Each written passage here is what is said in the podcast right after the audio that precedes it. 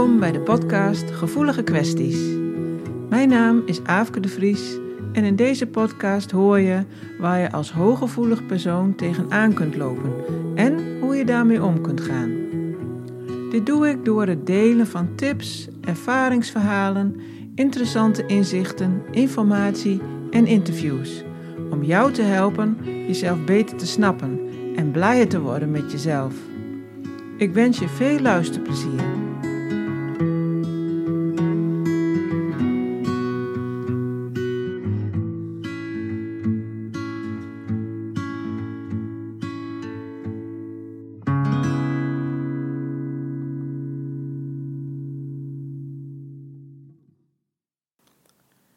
Deze podcast ga ik het hebben over hoe het kan dat het best veel voorkomt dat een hoogsensitief persoon een relatie heeft of heeft gehad met iemand met narcistische trekken. Het is voor mij best wel een lastig onderwerp, omdat ik er in mijn persoonlijke leven niet mee te maken heb gehad. Dus in die zin spreek ik niet uit eigen ervaring. Uh, wel ben ik het in mijn werk vaak tegengekomen, dus die ervaring kan ik hier wel in meenemen. En ik zeg bewust narcistische trekken, omdat een zuivere narcist volgens de officiële criteria veel minder vaak voorkomt dan iemand met narcistische trekken. Bij een zuivere narcist is er namelijk ook uh, sprake van een verstoorde gewetensontwikkeling. En dan ga je veel meer richting psychopathie. Uh, en ik vind het eigenlijk ook niet zo zorgvuldig om zomaar met het woord narcist te strooien, want dat gebeurt uh, vaak wel wat te makkelijk. Maar los daarvan, hoe komt het nou dat een HSP zich aangetrokken kan voelen tot iemand met kenmerken van narcisme en andersom? Nou, eerst even een beetje wat over die narcistische kenmerken. Uh, ik zal een rijtje opnoemen. Dat gaat dan over het hebben van een verheerlijkt zelfbeeld. Narcissus, die, dat is een verhaal uit de Griekse mythologie, die werd verliefd op zijn eigen spiegelbeeld. Dus vandaar het woord narcisme. Uh, fantasieën hebben over successen, eigen genialiteit, schoonheid of macht. Uh, een, iemand met narcistische kenmerken kan uh, een gespeelde charme vertonen, een gebrek hebben aan empathie, weinig oog hebben voor de behoeften van anderen, maar ook onredelijke verwachtingen hebben van anderen. Ja, behoefte hebben aan bewondering. En eigenlijk ook wel verslaafd zijn aan aandacht. Gevoelig zijn voor kritiek en het eigenbelang staat voorop.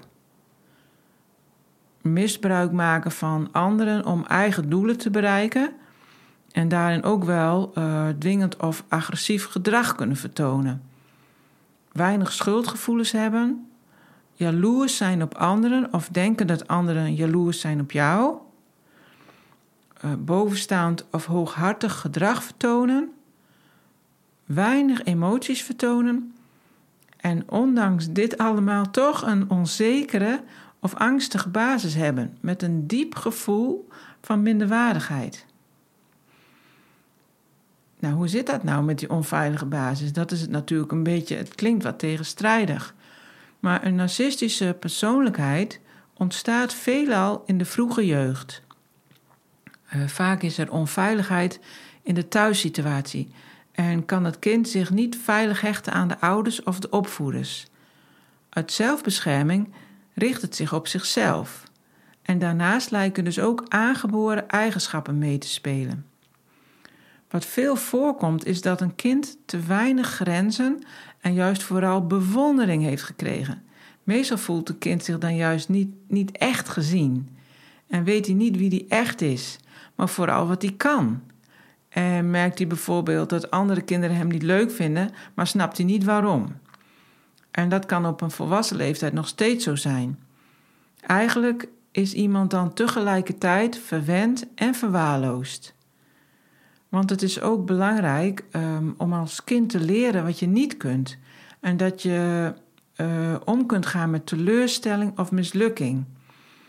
En dat er aandacht is voor je onzekerheid, uh, je zorgen, angsten of twijfels, dat die er mogen zijn. En vooral ehm, dat er dan nog steeds van je gehouden wordt. En zo'n narcistische persoon uh, is, als die volwassen is, nog steeds vooral met zichzelf bezig. Maar die voelt zich diep van binnen dus onzeker.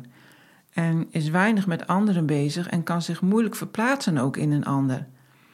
En hij kan zich ook moeilijk voorstellen hoe zijn of haar gedrag overkomt of wat het oproept bij een ander.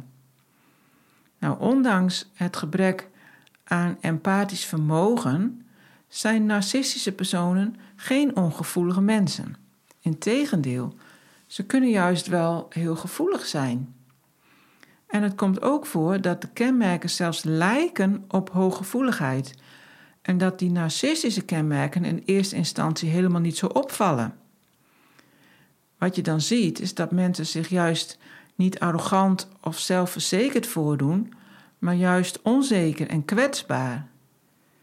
We spreken dan ook wel van verborgen narcisme.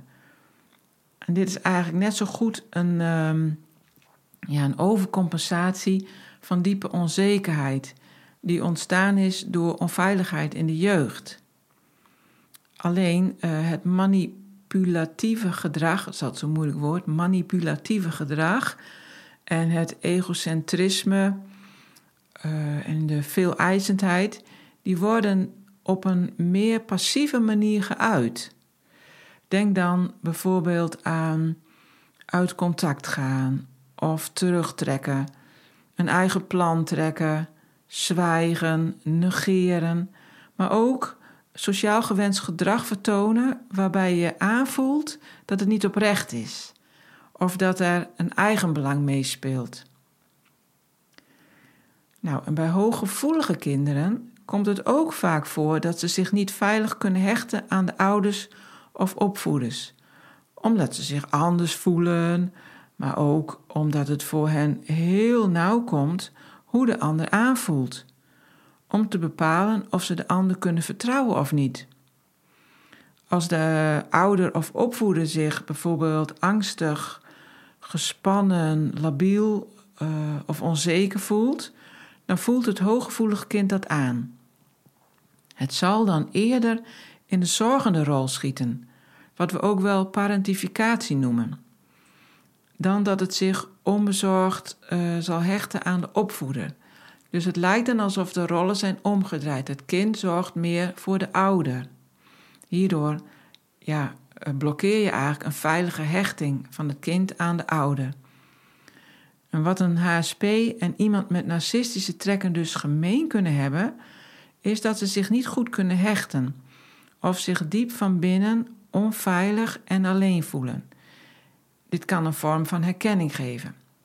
Ik zeg dus niet dat dit bij elke hooggevoelige persoon zo is, maar even om te vergelijken en ook om te, te bekijken van hoe het kan dat een hooggevoelig persoon wel zo iemand aan kan trekken.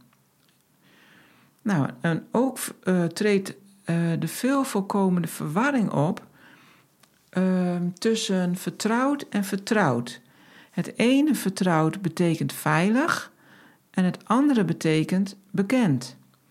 Een HSP uh, herkent dat hij of zij niet echt gezien wordt door de narcistische persoon, wat een veilig gevoel geeft. Het is niet veilig, maar je brein verwart heel vaak iets wat bekend is met veilig. Nou, beide partijen hebben dus uh, een innerlijke onzekerheid. En wat daaruit voortkomt, is dat je een vorm van bevestiging zoekt bij de ander. Een narcistische persoon heeft vaak een hele zelfverzekerde en overtuigende kant. Dit kun je als HSP verwarren met steun, stevigheid of iets wat je denkt nodig te hebben. En omgekeerd kan een narcistische persoon de zorgzame, loyale en aanpassende kant van een HSP als heel prettig ervaren. De HSP steekt veel energie in een ander en ja, die bewondert uh, hem of haar misschien wel. En bij die narcistische persoon gaat het eigenlijk vooral over uh, me, myself and I. Nou ja, en dat wordt daar dan natuurlijk uh, perfect mee gevoed. Ehm, ja, het probleem is echter dat de, de narcistische persoon steeds meer aandacht gaat vragen om zich goed te voelen. Uh, net als bij een andere verslavingsdynamiek. En je hebt het steeds meer nodig. En ja, hij of zij gaat dan ook uh, vaak steeds dominanter gedrag vertonen. En alles moet op zijn of haar manier gaan. En ze vinden ook nog eens vaak uh, dat ze gelijk hebben. En problemen of kritiek worden buiten henzelf gelegd. En dat komt vooral uh, omdat ze als kind niet hebben geleerd verantwoordelijkheid te nemen voor hun eigen gedrag. Bijvoorbeeld omdat hun ouders dat ook niet deden. En ze hebben ook vaak niet geleerd dat ze kunnen en mogen falen. Daarom weten ze vaak niet beter en hebben ze dus geen tot weinig inlevingsvermogen. Want ja, je hebt gewoon geleerd, je kan alles en alles gaat goed. En uh, dat is je programmering. Dus als er een falen om de hoek zou uh, komen, dat past dan totaal niet. Een hooggevoelig persoon heeft er over het algemeen al moeite mee om bij zichzelf te blijven. En die stemt zich makkelijk af op een ander. Um, het gevolg hiervan is dat uh, een HSP in zo'n soort relatie als waar we het nu over hebben, snel uit balans raakt. En ook natuurlijk vermoeid wordt, maar ondanks dat altijd nog zijn best blijft doen. En dat ken je wel, je doet altijd uh, je best en je probeert het zo goed mogelijk te doen. Um, ja, en daar word je natuurlijk uh, doodmoe van. En ja, uiteindelijk raakt natuurlijk ook de hele relatie uit balans. Uh, de HSP die, die, die blijft zich maar aanpassen, die gaat naar zichzelf voorbij. En die raakt uiteindelijk ook zijn of haar eigenwaarde uh, steeds meer kwijt. En de narcistische persoon maakt daar eigenlijk dan weer gebruik van, van die toewijding en die loyaliteit van de HSP. Maar die is daarbij wel vooral bezig met eigen belang. En dit, dit fenomeen, dat heeft ook een naam. Dat heet gaslighting. En gaslighting is een vorm van manipulatie of zelfs geestelijke mishandeling met als doel het zelfvertrouwen van de ander te breken en daar zelf beter van te worden. Dus je kan het vergelijken met een, ja, ook echt met een aansteker.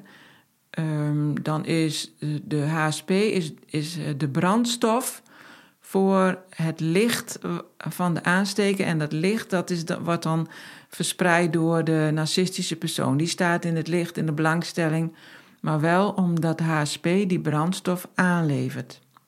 Nou, dit begint meestal op een hele subtiele manier, waardoor uh, de HSP eigenlijk nog helemaal geen argwaan krijgt. Sterker nog, uh, de HSP gaat twijfelen aan zichzelf en verontschuldigingen maken voor dingen die in wezen niet eens zijn of haar schuld zijn. Nou, feiten uh, worden verdraaid uh, en op allerlei manieren wordt er gemanipuleerd. En stap voor stap krijgt dan uh, die narcistische persoon steeds meer macht over de HSP. En het gekke of, of bijna onvoorstelbare is dat bij de HSP een steeds groter gevoel uh, van afhankelijkheid groeit. Want die wordt gewoon steeds onzekerder. En het vertrouwen uh, om op eigen benen te, te kunnen staan, uh, neemt daardoor dus af. En die hooggevoelige persoon die gaat zo aan zichzelf twijfelen dat hij op een bepaald moment helemaal niet meer weet wie die is of wat hij wil. En uh, hij of zij stemt zich steeds meer af op die narcistische persoon. En wat je dan vaak ziet is dat iemand dan gewoon uitgeput en uitgeblust raakt. En soms zelfs een burn-out krijgt. En dan komt het ook nog eens regelmatig voor dat bij die narcistische persoon een neiging groeit om vreemd te gaan. Want hoe meer bewondering en aandacht hij of zij krijgt, hoe beter het immers is. Maar voor de eigenwaarde van de hooggevoelige partner is dit natuurlijk funest. Al met al mondt het vaak uit in een uh, destructieve relatie. Zolang beide partijen geen verantwoordelijkheid nemen voor hun gedrag. En ja, je krijgt dan zo'n uh, aantrekken en afstoten uh, gebeuren. En de narcistische persoon die, die duwt iemand uh, die dichtbij komt vaak weer van zich af. Terwijl er ook een diepe leegte opgevuld moet worden. Ja, en in dat gat, daar springt de HSP natuurlijk makkelijk in. Maar wel met als gevolg dat hij of zij uh, zichzelf in de steek laat. Ja, maar toch blijft een HSP dit, dit doen, zolang de narcistische persoon af en toe een beetje liefde of erkenning geeft. Misschien herken je dat wel. En dat je al met een klein beetje genoegen neemt en dat je daar dan alweer een hele tijd op kunt teren. Nou, de narcistische persoon die weet dan ook vaak precies hoe zij of hij of zij dit uit moet spelen. Nou ja, zo word je dus als uh, eh, HSP een, een, speelbal. Nou, wat kan je nou doen? Als je hier dingen in herkent, trek dan niet meteen de conclusie dat je een relatie hebt met een narcistische persoon. Er kunnen ook zeker nog andere dingen aan de hand zijn, uh, zoals jullie onderlinge dynamiek. Wat zegt het bijvoorbeeld over jou dat jij in deze relatie zit? Daar doe jij ook iets in. Misschien versterk je wel een eigenschap van je partner waardoor zijn of haar gedrag narcistisch lijkt. Ook wordt autisme vaak verward met narcisme. Iemand uh, met autisme kan vanuit spanning, angst of onmacht ook narcistisch gedrag gaan vertonen. En ook daarbij heb je weer varianten, zoals het aangeleerde autisme. Dan is iemand niet echt autistisch, maar vertoont wel die kenmerken. Wat meestal ook weer een gevolg is van een onveilige jeugd. Of dat iemand opgegroeid is in een omgeving waar weinig uh, interactie was of weinig sociale contacten. Dan heeft iemand dat ook gewoon helemaal niet geleerd. Dus al met al uh, zou mijn advies zijn om er professionele hulp bij in te schakelen. En het begint bij de bereidheid van beide partijen om ernaar te willen kijken en eraan te werken. Is dat niet zo, dan zul je de balans op moeten maken en, het, uh, en te kijken of het zo goed genoeg is voor je of niet. En dan is aan jou de beslissing of je weggaat of blijft. Dit kan wel voor behoorlijk wat problemen zorgen, want voor de narcistische persoon valt dan de voeding weg. Uh, hij of zij uh, zal zich enorm gekrenkt voelen en, en ook verward, want het is natuurlijk volledig in strijd met dat verheerlijkte zelfbeeld. Het kan ook nog uh, angst en stress oproepen, want ehm, de interne onzekerheid, die er dus onderliggend is, die wordt wel geraakt. En het kan ook zeker gebeuren dat je partner boos en onredelijk wordt. Of tegen gaat werken en alles in de strijd zal gooien om het uh, zo lastig mogelijk te maken. Ook dan heb je professionele hulp nodig, bijvoorbeeld in de vorm van mediation, maar ook vooral voor jezelf en uh, je eventuele kinderen of andere betrokkenen. In eerste instantie om zo goed mogelijk uit de situatie te komen, maar daarna natuurlijk ook om, zo, om zelf sterker en zelfverzekerder te worden. Het is ook uh, belangrijk, denk ik, om er met vrienden of familie over te gaan praten. Om, om openheid van zaken te geven en ook om steun te krijgen. Want dat heb je wel nodig als je zo gewond uit de strijd komt. En het is fijn uh, ook om bevestiging uit je omgeving te krijgen dat je niet gek bent. En uiteindelijk uh, kun je dan weer op eigen benen staan, in plaats van afhankelijk te zijn van een ander. Ja, en, maar daarvoor is het vaak wel nodig om, om je patroon te onderzoeken waarom je jezelf zo weggeeft. En waar is dat patroon nou eigenlijk ontstaan? En, en hoe kun je voorkomen dat het nog een keer gebeurt? Want als je er niks aan doet, dan is die kant zeker aanwezig. En je onderbewuste brein, die, die bewandelt namelijk het liefst steeds weer hetzelfde pad. Ook al denk je met je bewuste brein dat je dat nooit meer zal doen. En besef ook dat die narcistische persoon niet je vijand is, maar je leraar. Dat klinkt misschien gek, maar hij of zij laat je iets zien waar jij nog in mag groeien. En dat wil je misschien eerst helemaal niet uh, geloven, maar ik, ik geloof daar wel in. En die narcistische persoon, die is ook niet je ontwikkelingsproject of je cliënt. Jij kunt hem of haar niet veranderen. Dat kan iemand alleen maar zelf. En dus ja, uiteindelijk uh, ja, richt je vooral op jezelf. Wat trok je aan in die persoon en wat vulde de ander op? Wat je nog niet had ontwikkeld in jezelf. Welk patroon was er werkzaam in jou? En wat ook heel belangrijk is, is dat je jezelf niet veroordeelt. Brand jezelf niet af. Door te vinden dat je dom bent geweest, omdat je het niet eerder hebt gezien, bijvoorbeeld. Uh, daar heb je helemaal niks aan. Maar blijf liefdevol en ook eerlijk naar jezelf. en uiteindelijk kan dan het contact met jezelf uh, weer gaan groeien. En dan kun je autonomer worden en je veilig voelen van binnen. En dan heb je dat niet meer zo nodig van iemand anders. Ik wil graag eindigen met een, met een quote die ik heb gevonden van Shakti Gawain. Ik weet niet of ik het helemaal goed uitspreek, maar zij was een schrijfster die veel boeken heeft geschreven over persoonlijke ontwikkeling. En ze zegt in die quote: Elke relatie biedt de kans om te groeien en iets over jezelf te leren.